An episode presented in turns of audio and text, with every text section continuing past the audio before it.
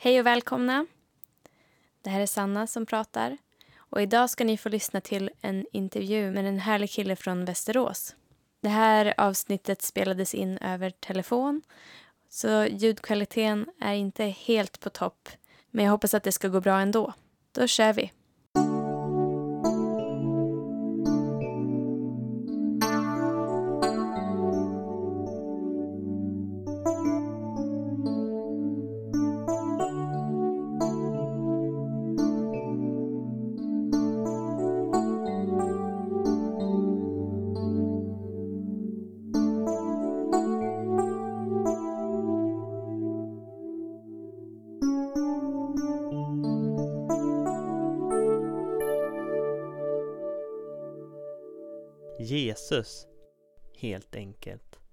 Välkommen River. Tackar. Tack Sanna. Då vill jag börja med att be dig att berätta lite om dig själv. Vem är du? Jag heter River. Eh, och jag har väl varit kristen i sju månader ungefär. Innan det så levde jag ett ganska, ganska vilt liv med mycket droger och festande. Mm. Och nu har det tagit helvändning och eh, nu vill jag bara sprida Guds rike här på jorden. Ja. Eh, Men vem jag är? Jag, jag, jag är en kille som, som tycker om att tala och berätta för andra om Jesus helt enkelt. Ja. Eh, vissa skulle kalla mig evangelist. Eh, jag skulle kalla mig bibeltrogen. Mm. Mm. Eh, och hur, hur länge har du känt Jesus då? Jag har känt Jesus i ja, drygt sju månader. Mm.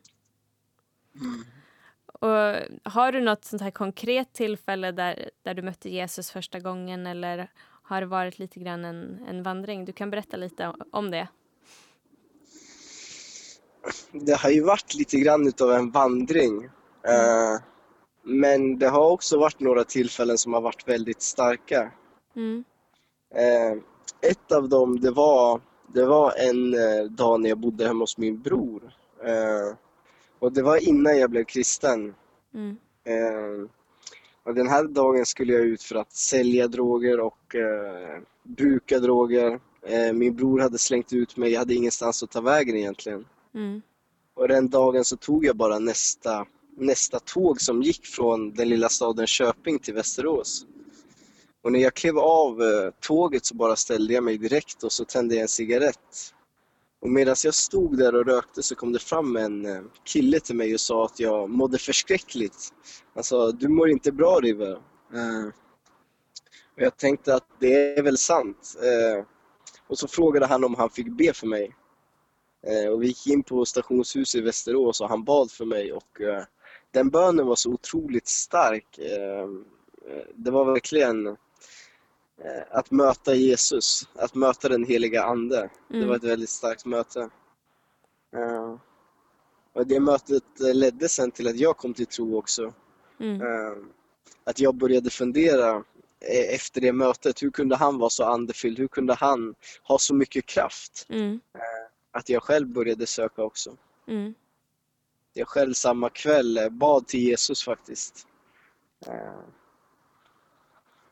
Jag eh, stod och väntade på bussen lite senare den kvällen och det var så otroligt kallt ute och jag bara, jag bara började dansa för att hålla värmen och när jag dansar så bara skriker jag ut i himlen liksom Jesus! Jag tror inte på dig, men om du finns, visa dig för mig!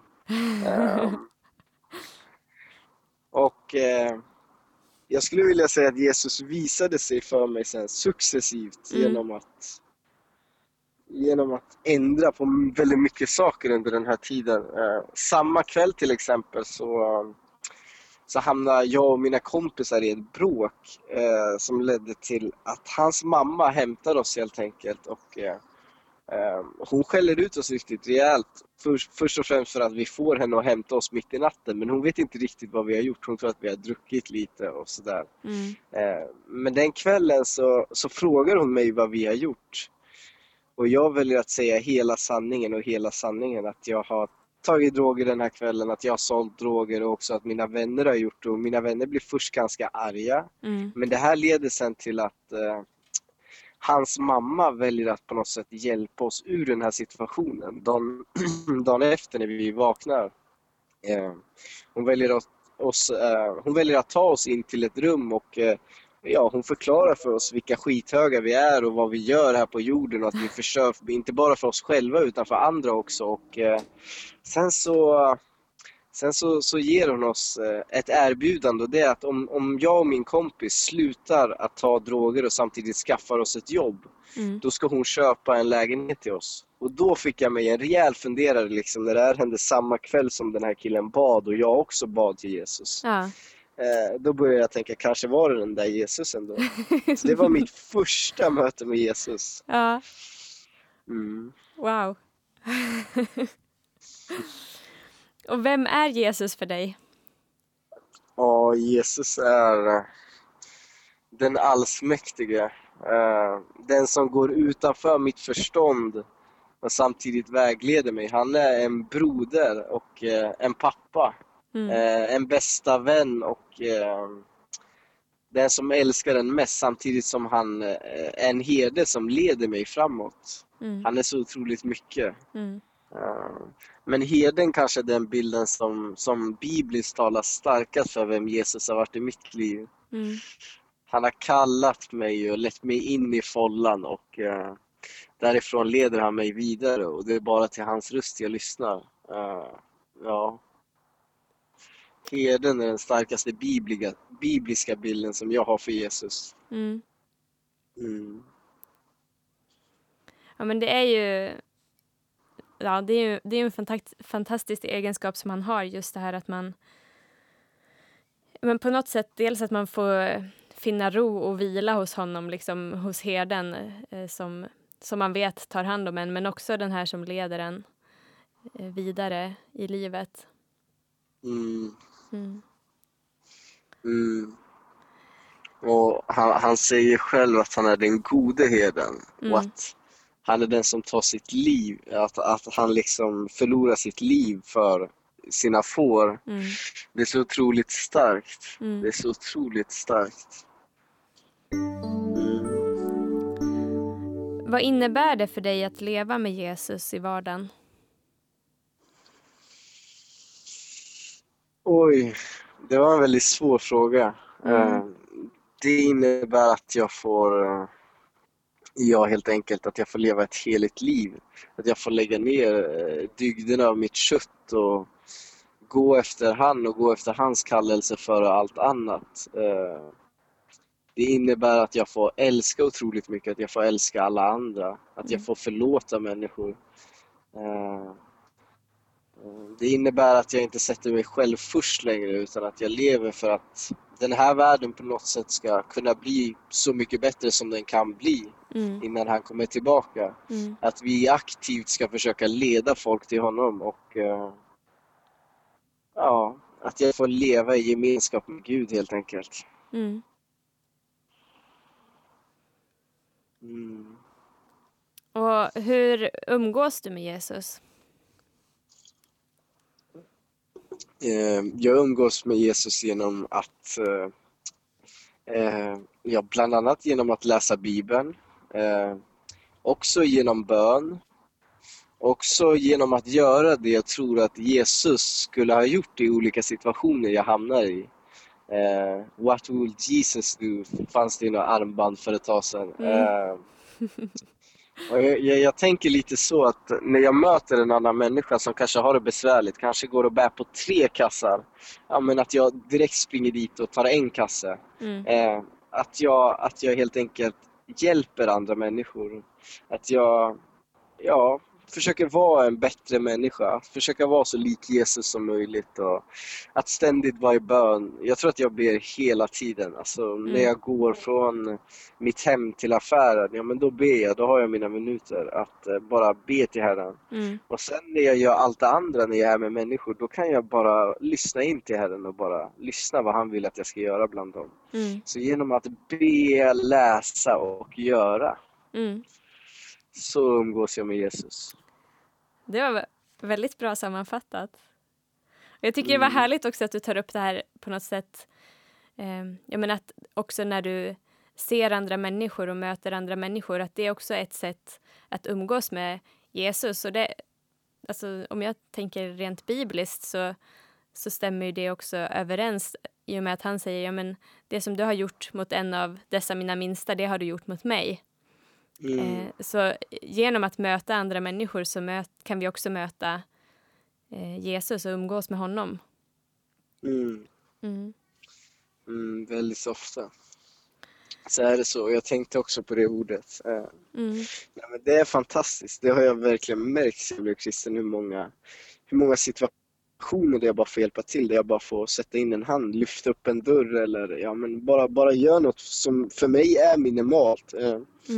Men, men som för andra tar väldigt stora ansträngningar och som också för mig när jag blev kristen tog stora ansträngningar. Eller jag kanske inte ens tänkte på det. Jag tänkte att ja, men det där löser de själva. Liksom, det är de som har suttit i den situationen. Mm. Eh, från att tänka att åh vad härligt, nu kan jag få hjälpa till. Kul. Ja. Eh, och så kanske får jag möjligheten att berätta om Jesus också. Och då är det två i en. Eh, så det är helt fantastiskt. Och nu, nu har ju inte du liksom levt nära Jesus så länge, men vad tänker du är det viktigaste just för att hålla relationen vid liv? Eh, att det inte liksom ja, men, dör ut, utan att verkligen hålla, hålla sig nära Jesus. Vad, vad är det viktiga? Eh, det viktiga är väl att eh, söka honom först. Mm. Att eh, det jag gör i min vardag och i mitt liv, att jag gör det först och främst för honom och inte för människor eller för vad den här världen ska tycka och tänka. Att eh, Mm. jag på något sätt sätter honom först i alla situationer. Och det kan vara ganska svårt och påfrestande att inte göra andra saker före eller prioritera vad människor ska tycka och tänka om mig före eller Mm. på olika sätt prioritera världens tankesätt före att sätta Jesus före och att gå den extra milen i alla situationer och bara göra det Jesus vill. Mm. Men för att hålla den relationen uppe, uppe för mig så är det bara att, ja, jag, jag tänker på Matteus 6.33, sök först hans rike Mm. så ska du få allt det andra också. Mm. För att upprätta hans relation, sök honom först. Eh, visa att du älskar honom. Det är som vilken jordisk relation som helst. Om du Mm. har en mamma eller en pappa eller en bror. Mm. Det funkar inte om du inte hör av dig till dem. Eller om du har en kompis så hör du aldrig av, av det. Utan det är bara han som hör av sig och säger Ska vi gå på fotboll? Och så nej, jag kan inte. Ska vi göra det här? Nej, jag kan inte. Ska vi göra det här? Ja, jag kan. Så kan du, men du erbjuder aldrig någonting tillbaka. Mm. Då blir det som att eh, relationen kommer dö ut med tiden. Mm. Eh, och Jesus han vill ge dig hela tiden och han ger dig hela tiden. Han ger dig mycket mer än vad du kan se. Mm. Eh, jag ser att han ger mig väldigt mycket. Men jag undrar hur mycket han ger mig som jag inte ser. Ja. Om jag då inte ger tillbaka till honom, då tror jag att det blir mindre kul för honom att ge till mig. Om jag inte uppskattar det han ger mig. Ja. Jo, men, ja, Mm. och det känns ju ganska logiskt att det skulle vara så. Eh, att men ju mer vi på något sätt eh, ja, men ställer oss till förfogande och ger av vårt hjärta till honom så har ju han också möjlighet att, att ge oss det han vill ge. Mm. Mm. Men så är det, han, han vill ju alltid ge. Eh, Mm. Annars, hur- jag vet inte hur många gånger han tar upp i evangelierna, be så ska ni få. Mm. Eh, be så ska ni få om ni tror. Mm. Be, eh, be så ska ni få, sök och ni ska finna, bulta och dörren ska öppnas. Mm. Eh, han är väldigt tydlig med det, att vi får det vi ber om, om vi tror, om vi litar på honom, om vi sätter tilliten på honom, att vi vet att han kan. Mm. Eh, ja, så bara att ha en tillit till honom, likt ett barns till sin pappa. Mm. Ehm, ja, Mm. Eh, och jag, jag kommer att tänka på det nu bara för att eh, eftersom att jag, du berättar för mig lite grann om, om din bakgrund och så med dina föräldrar eh, och så här att eh, på något sätt så den eh, relationen vi har haft till våra föräldrar eller egentligen hur de har betett sig mot oss brukar ofta spegla av sig i, i våran bild av Gud. Eh, att det liksom... Mm. Eh, att därför kanske vissa kan ha svårt att verkligen känna tillit till Gud om, om man har haft föräldrar som man inte har känt tillit till och så vidare. Eh, hur, hur upplever du det här? Eh, eh, jag tror att eh, jag, jag hade det ganska tufft som barn med både relationen till min mamma och till min pappa. Eh, och, eh, men på något sätt så hamnade jag ändå jag hamnade i en väldigt, väldigt bra fosterfamilj ganska tidigt, eh, innan tonåren. Och eh, där hade jag verkligen en fadersgestalt, så jag tror att jag alltid förstod den här bilden av den goda fadern. Eh, Mm. Och jag har alltid genom min uppväxt sett hur andras pappor har varit och kanske önskat att min pappa var lite mer som dem. Så jag har alltid vetat att det finns väldigt bra eh, föräldrar, väldigt bra pappor som, ja, men som, som gör allt för sina barn, som ser till att de kommer till fotbollsträningen i tid, som kör dem till matcherna, Mm. som bjuder på varmkorv efter matcherna och som hjälper dem att träna. Och, ja, det, är en god pappa för mig, någon som, som ställer, nu, nu är jag väl intresserad av sport och det kanske inte alla är, men en pappa som har varit med i sporten. Jag har alltid fått åka själv till matcherna. Jag har inte, jag har inte klagat för det, men jag hade tyckt att det var väldigt, väldigt kul. Eh, och min pappa alltid var med mig och med Jesus som pappa så kan jag på något sätt se att han är den pappan som, när jag kanske satt där själv i baksätet i bilen så var ändå Jesus med mig. Även Mm. fast jag inte visste det då så kan jag se det nu i backspegeln. Ja. Eh, och det är väldigt värdefullt för det är några saker som har hänt efter att jag blev kristen som har gjort att jag har sett att han varit med mig innan jag var kristen. Att han på något sätt har lett mig även i de värsta perioderna. Mm. Och så, som, som jag aldrig hade kunnat tänkt då utan då tänkte jag att jag fick klara mig själv och att allt var väldigt svårt men nu efter kan jag se att jag har, att jag har haft någon med mig. En Mm. skyddsängel av något slag. Mm. Ja. Har du haft någon nå- liksom stunder och tillfällen eh, sen du kom till tro där du har liksom brottats med Gud om saker eller där du har haft eh, tvivel eller funderingar som du har tyckt varit svåra? Som handlar liksom om din tro och så då? Aha. Alltså jag tror att jag kanske har det på något sätt varje dag att det Mm. finns saker som jag brottas med och tvivlar med och det står så otroligt mycket i Bibeln och jag har sett så otroligt lite av de här sakerna. Mm. Men på något sätt så får man lita på att man ska få se allt beroende på de sakerna man redan har fått sett. Ja. Eh, och eh, vad var frågan igen? Ja, om du liksom har haft någon, något speciellt som du har brottats med eller något tvivel eller ja, men någonting som du har tyckt ja, men, är svårt att få grepp om. Ja, jag, jag, jag, jag, har, haft mycket som jag har tyckt varit svårt men något som jag har tyckt varit väldigt svårt, eh, svårt det var det här till exempel med helande, att människor skulle bli helade. Eh, Mm. det, det kunde jag verkligen inte tro på. Eh, men det har ju Gud bevisat. Det var inte att jag inte kunde tro på det, jag trodde på att liksom, ja det står i Bibeln så här, men det här kommer inte hända mig, det här kommer jag inte få se. Mm. Eh, men sen så fick jag se det och inte bara en gång utan flera gånger och eh, ja, alltså jag, jag tror att jag har väldigt lätt för att lita på Bibeln helt enkelt Mm. och att jag har väldigt få brottningsmatcher egentligen därför att eh, men jag tror på min pappa och jag tror Mm. att han vill mig väl i allt. Mm. Och det jag inte än har fått sett, det kommer jag att få se när tiden är inne. Att han gör mig mogen liksom. Att han, Mm. allt har sin tid. Ja, Ja, ja. vilken härlig förtröstan. ja men eh, det är väl lite det som jag tror att Jesus tänker när han säger att den som inte är som barnen kommer inte in i himmelriket. Mm. Han menar inte att vi ska vara som barn och leka runt och kanske inte tänka logiskt utan att vi ska lita på honom Ja. så som ett barn. Att vi ska bara komma till det och bara krama om, om honom och bara Ja. Åh pappa, nu är jag här. Mm. Vad vill du ge mig? Eller vad, vad vill du att vi ska göra? Ska vi leka? Jag vill göra. Och Ja. Är vår pappa så snäll att vi får göra också det vi vill. Inte för att det handlar om min vilja, men därför att han är vår pappa så låter han oss göra mycket. Men han leder iväg från det alltid till det goda. Mm. Uh, ja. ja nej, men jag, jag litar på honom.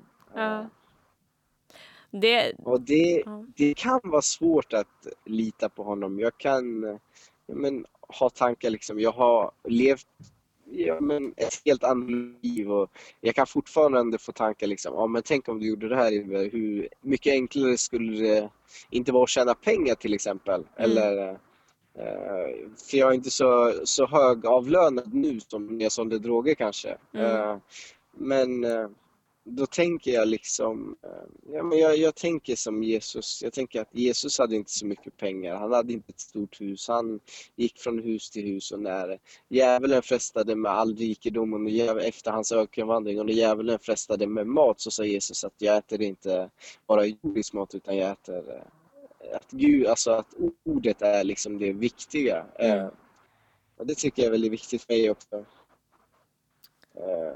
Eh, att bara, att bara lita på han och hans ord och att eh, inte, att inte tro på alla frestelser. För frestelser finns det många. Det finns så mycket som hade varit härligt för stunden men som jag inte skulle gilla i det långa loppet. Mm. Väldigt mycket. Mm. Att inte lita på sina känslor, det tycker jag är väldigt härligt att jag inte gör längre. Men det är väldigt svårt för många och det märker jag är väldigt svårt för många kristna också. Att det handlar mycket om välmående. Mm. Och det handlar faktiskt inte så mycket om välmående för mig utan det handlar om att, eh, att eh, Guds vilja ska ske och att fler människor ska få komma till tro. Och oftast får jag uppleva välmående på grund av att jag har den synen. Mm. Men jag får också uppleva lidanden därför att jag kanske hamnar i vågade situationer. Mm. Eh, Att det blir väldigt tufft för mig och mitt kött. Mm. Men sen i efterhand så får jag ofta en stor belöning för de striderna. Mm. Ja.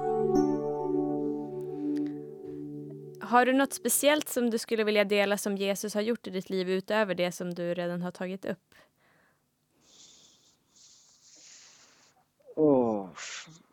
Ja, ja, ja, ja det, det finns så väldigt mycket men jag tänker ta en situation som faktiskt eh, hände nu i fredags. Mm.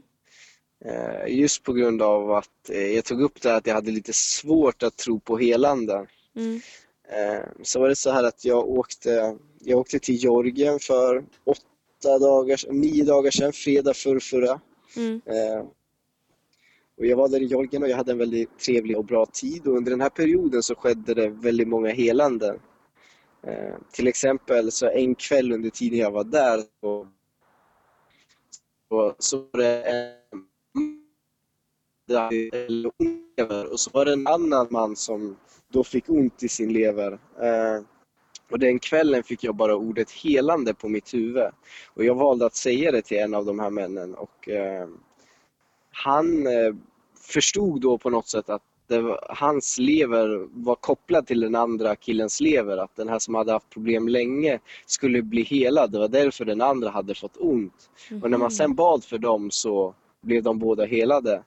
Ehm, och det var några liksom evangelister där på det här, där i Georgien på det här bootcampet som var väldigt för helande och tyckte att man skulle gå ut väldigt starkt och eh, jag fastnade för det här ganska fort och jag skrev upp mig att jag ville gå på någon form av utbildning på det här den 6 maj i Stockholm med några vänner jag har här i Västerås. Ehm, men i alla fall så kom jag hem till Sverige nu i fredags och då skulle jag predika där för ungdomsgruppen på kvällen.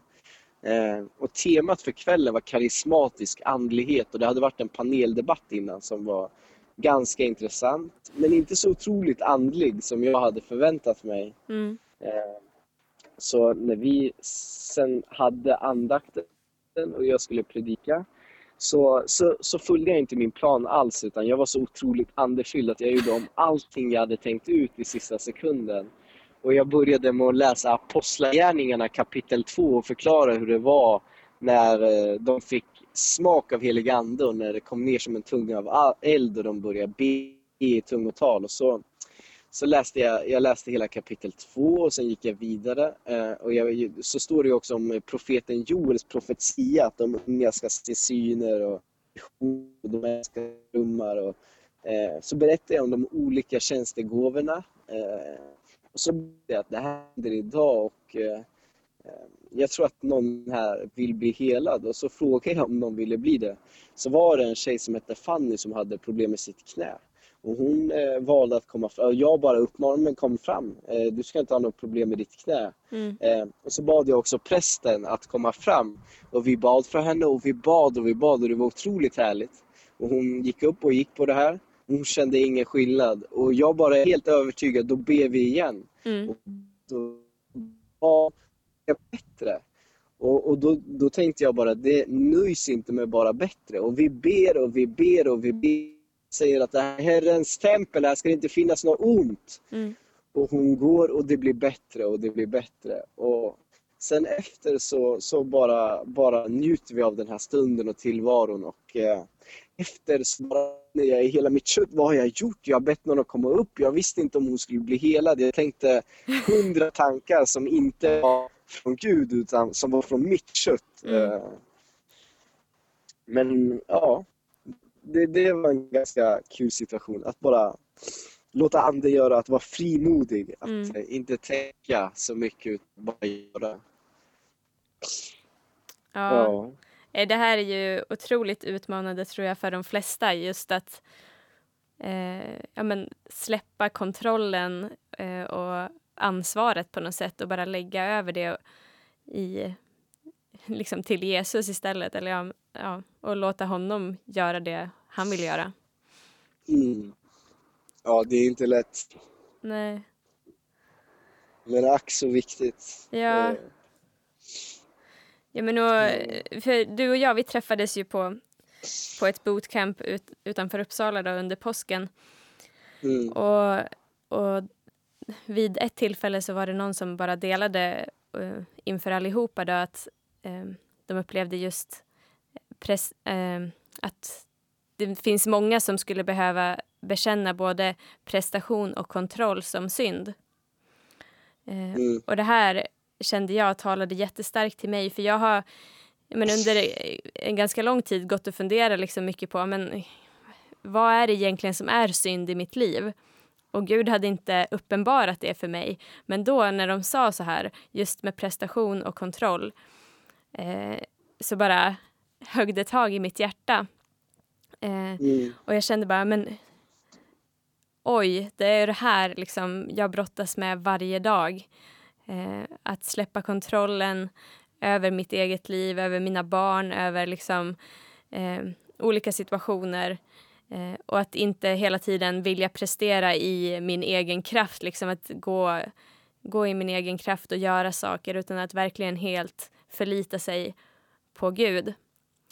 Mm. Eh, så då under, under tiden vi var där så, så bekände jag ju det liksom inför, eh, inför Gud och den liksom befrielse på, som på något sätt följde av det här det kan inte jag beskriva utan det var ju liksom som natt och dag och då har jag ju ändå varit troende i princip hela mitt liv. Eh, mm. Men att helt plötsligt få upp ögonen för, för det som är synd och att få bekänna det inför Gud. Så helt, öppet, helt plötsligt så var det som att det var en mycket mer öppen kanal mellan mig och Gud. Att det inte var någonting mm. som liksom var i vägen. Mm. Eh, så ja. Men jag tror, jag, tror att det, jag tror att det är så för många människor, särskilt i liksom västvärlden och så, att just det här med kontroll och, och med prestation, det har blivit så liksom, eh, ja, otroligt befäst i samhället. Så att, mm. Så att eh, ja, de flesta har ju svårt att släppa på det här. Mm. Ja, verkligen. Det är precis så som du säger och jag kan eh, nästan räkna upp på mina händer hur många människor som jag ser som har kristna väldigt länge som har samma problem. Mm. Eh, och eh, jag som har varit kristen väldigt eh, kort kan också se att jag har det här behovet av att släppa därför att jag bara har levt i väst och lever med, lever med den här kulturen och Mm. att det är naturligt på något sätt att prestera att jag ska göra det här, det här, det här, det här för att Mm. komma dit. Mm. Eh, eh, och eh, sen finns det också en baksida liksom om man släpper på kontrollen helt och bara låter sig vagga fram och låta Gud Eh, alltså på något sätt så är du ansvarig för ditt liv och måste Mm. ta steg framåt. Och på, på det andra planet så måste det finnas spelrum för Guds ande vart än du går. Mm, precis. Eh, Och, och det såg jag väldigt, väldigt, väldigt otroligt tydligt när vi var i Georgien nu i en vecka.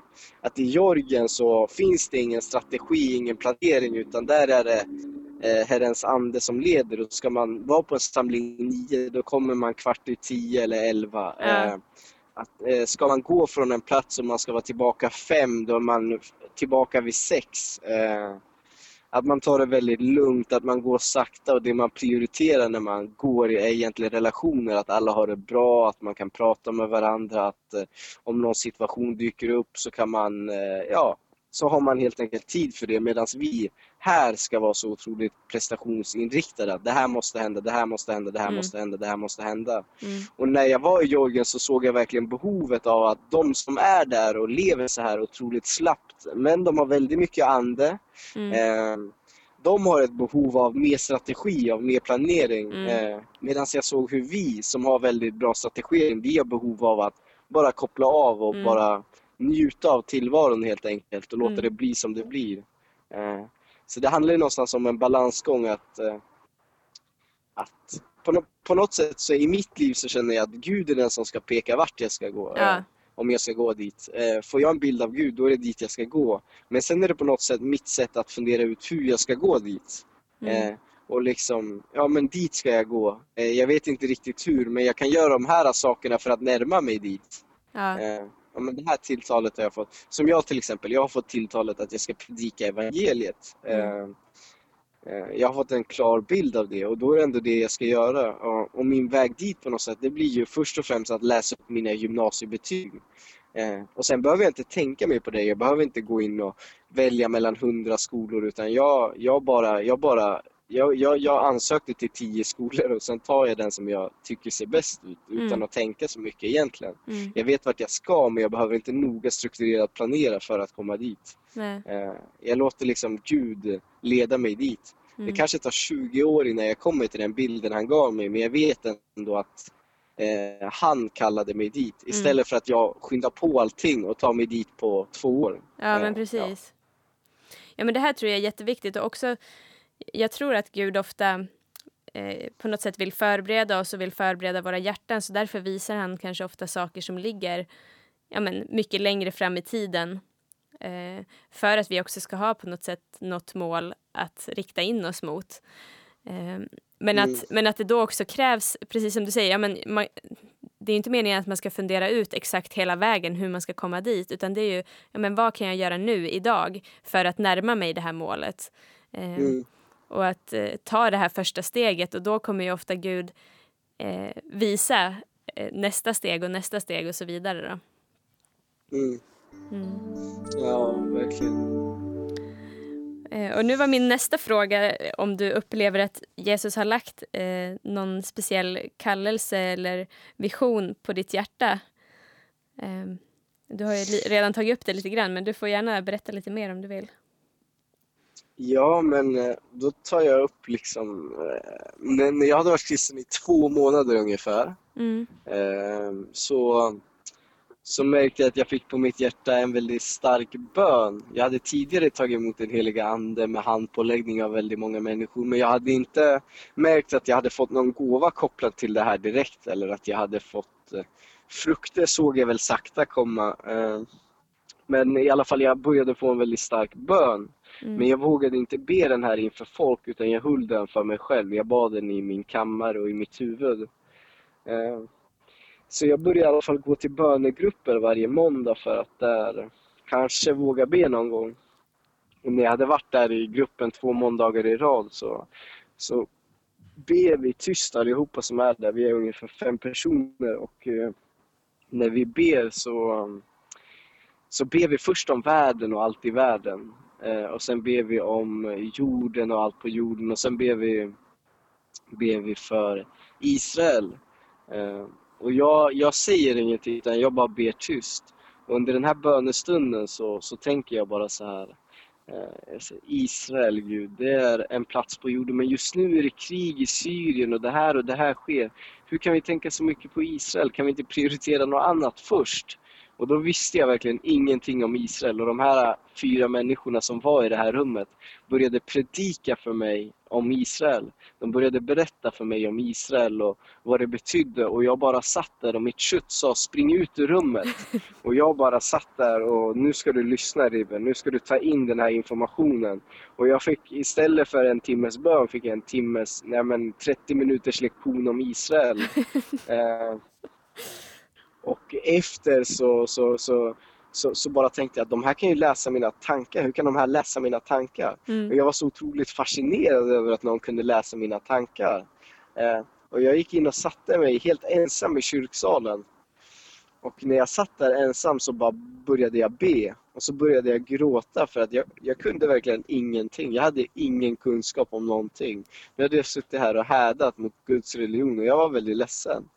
Eh, och sen efter att jag hade fått släppt ut på allt jag var ledsen över så blev jag otroligt glad istället och jag började prisa Gud och jag började tacka Gud. Och det var väldigt vackert och i den här tacksägelsen så bara får jag en bild av att jag står framför alla i den här kyrkan jag är och berättar evangeliet. Att jag står där och predikar evangeliet till alla människor som var samlade där.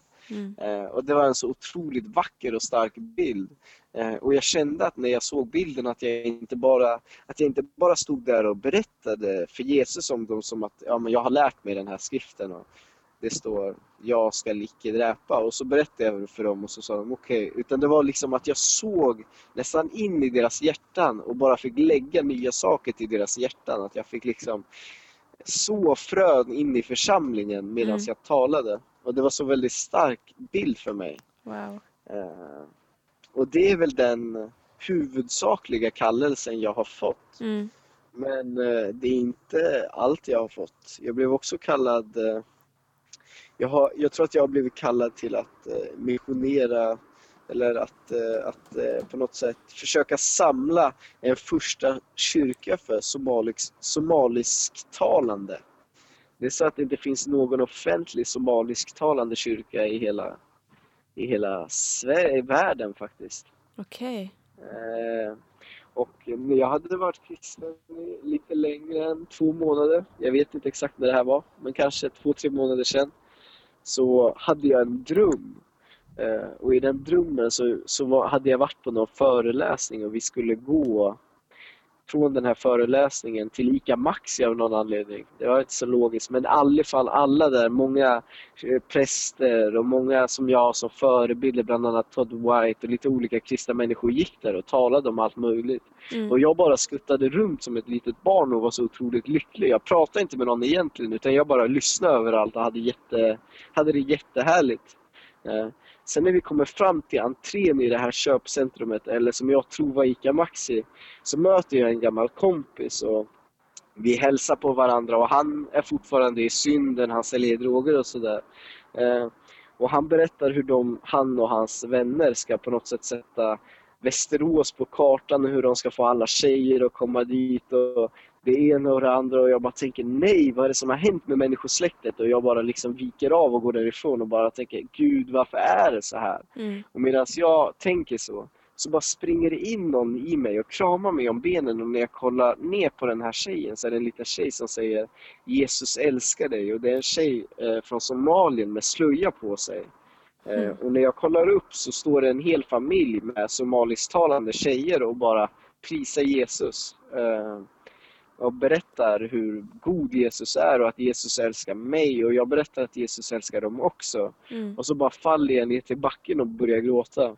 Uh, och sen hade jag den här drömmen uh, och jag berättade den för min pastor direkt och han visste inte heller direkt vad den betydde. Han bara sa att jag skulle komma ihåg den. Mm. Uh, och jag skrev ner den och jag skickade den också till honom.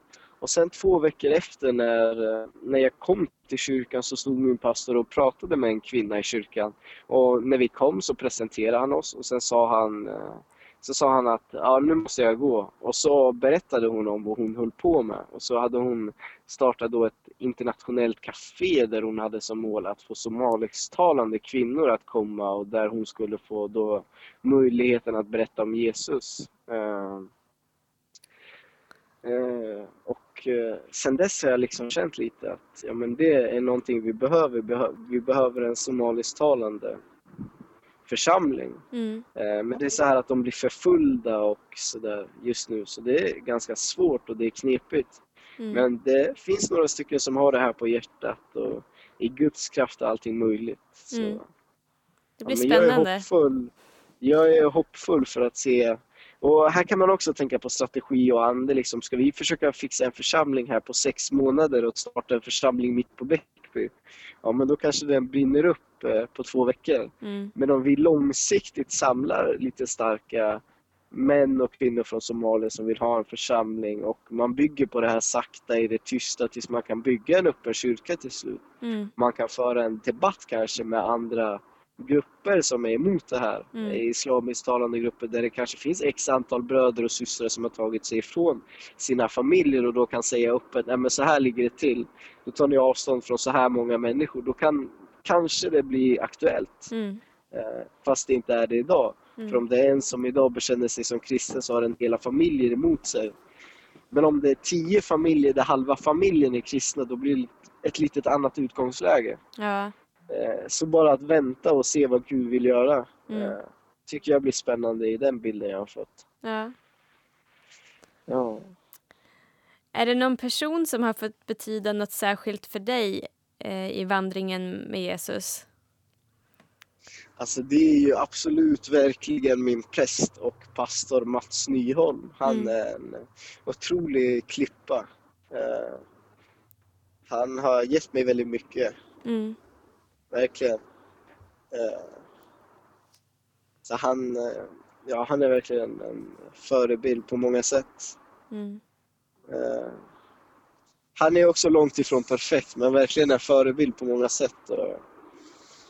Eh, han är också väldigt bra på planering och strukturering men har kanske en ganska bra balans med ande och andlighet. Och, mm. Så kanske det kan lätt luta över åt eh, det ena hållet för mycket men han är en bra förebild på det här med balansgång. Ja men eh, han är mm. härlig tycker jag. Han har mm. varit en förebild för mig. Sen är det, det finns många förebilder idag så finns det så mycket på internet predikningar och sådär. Ja. Jag tycker en kille som heter Paul, Paul Washer, Paul Washer uh, är väldigt bra på att predika mm. också. Så det, det, finns väldigt många jag kanske lyssnar på. Mm. Har du något tips annars på någon, eh, eh, någon bok eller någon bibelberättelse eller någon bibelvers eller någon författare eller någonting? Mm. Jag tänker, jag tänker på en film tänker jag på mm. faktiskt. Mm. Som heter War Room, krigsrum mm. på engelska. Där det är en eh, amerikansk bönekrigare eh, som, som leder en annan kvinna. När hon ska sälja sitt hus faktiskt så leder hon den som ska sälja huset till tro. Eh, ja, en väldigt fantastisk och gripande berättelse. Mm. Ja. Den rekommenderar jag. Ja, jag har sett den här filmen. Och den... Det kan, kan ha varit du som rekommenderade den för mig. Oh, jag vet inte. Ja, men det, det kan ha varit så. Det, det, det, var någon på det här bootcampet som Just rekommenderade den för mig. Ja. Och den var väldigt bra. Ja. Eh, det är den bästa filmen jag sett sedan jag blev kristen. Ja. Jag, jag har blivit lite anti-film. Jag tycker att det är väldigt slöseri med tid att mm. eh, kolla på film generellt. Men eh, den kan man se. Den kan man se i alla fall. ja, nästan, nästan två gånger kan man se den. ja. Nej, men den, den är ju fantastisk just på det sättet. Jag tycker den eh, verkligen men, lägger tyngd på hur viktig bönen är och hur, hur stor eh, inverkan den faktiskt kan ha. För det kan ju tyckas ganska obetydligt liksom, att sitta och, och, och prata själv med Gud liksom instängd i sitt eget rum och bara, ja men vad skulle det här göra för skillnad? Men det gör verkligen skillnad. Eh, och att, ja, men det inspirerade mig så otroligt mycket till att verkligen ta tid med Gud. Och också det här, mm. Eh, vi har ju pratat lite om balansen mellan liksom planering och struktur och andlighet men också eh, tror jag att det behöver vara en balans mellan att ta tid själv med Gud och också att liksom stå i tjänst för honom. För jag tänker att många människor kanske, i alla fall om man har varit troende ett längre tag så kanske man, liksom man, man får mycket som, man upplever mycket som Gud lägger på sitt hjärta och till slut så har man så mycket saker som man liksom håller igång och är verk, alltså olika verksamheter eller olika saker som, som gör att man knappt får någon tid själv att bara vara med Gud. Eh, mm. Och den här balansen tror jag också är jätteviktig för, för ja. ett liv liksom, som verkligen får vara nära Jesus och där man får se mm. också eh, ja, men, andens frukter växa till och ja. Mm.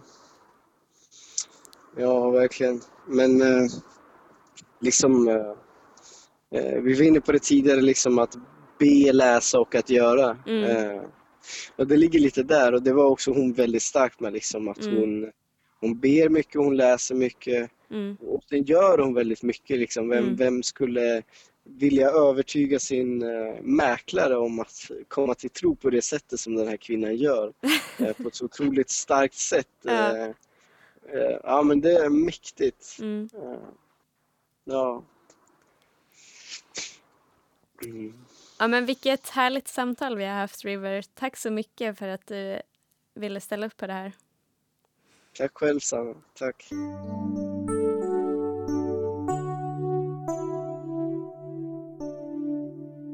Så här efteråt så skulle jag vilja säga några ord om synd.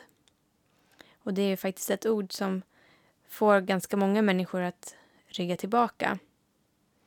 Men det behöver inte vara så. För precis som det står i Bibeln i Första Johannes kapitel 1, vers 9. Om vi bekänner våra synder är han trofast och rättfärdig så att han förlåter oss våra synder och renar oss från all orättfärdighet. Vad är synd egentligen då? Ett enkelt sätt att beskriva synd är ju någonting som håller oss undan från Gud. Någonting som blockerar vägen mellan mig och Gud. Och Jag tänkte också läsa Davids ord efter att ha vållat en mans död efter att ha varit otrogen mot honom. Det är Saltaren kapitel 51, vers 9-15. Rena mig med isop så blir jag ren. Tvätta mig så att jag blir vitare än snö. Låt mig få höra fröjd och glädje. Låt de ben du har krossat få jubla. Vänd bort ditt ansikte från mina synder. Utplåna all min skuld.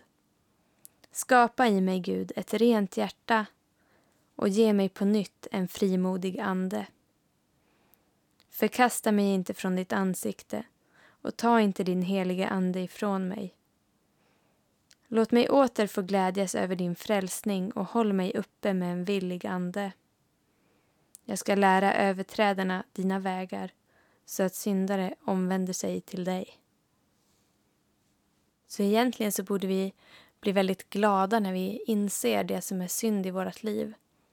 För det ger ju faktiskt oss möjligheten att bekänna våran synd och då har Gud lovat att han ska vara trofast och rättfärdig och förlåta oss våran synd så att vägen till honom kan bli öppen igen.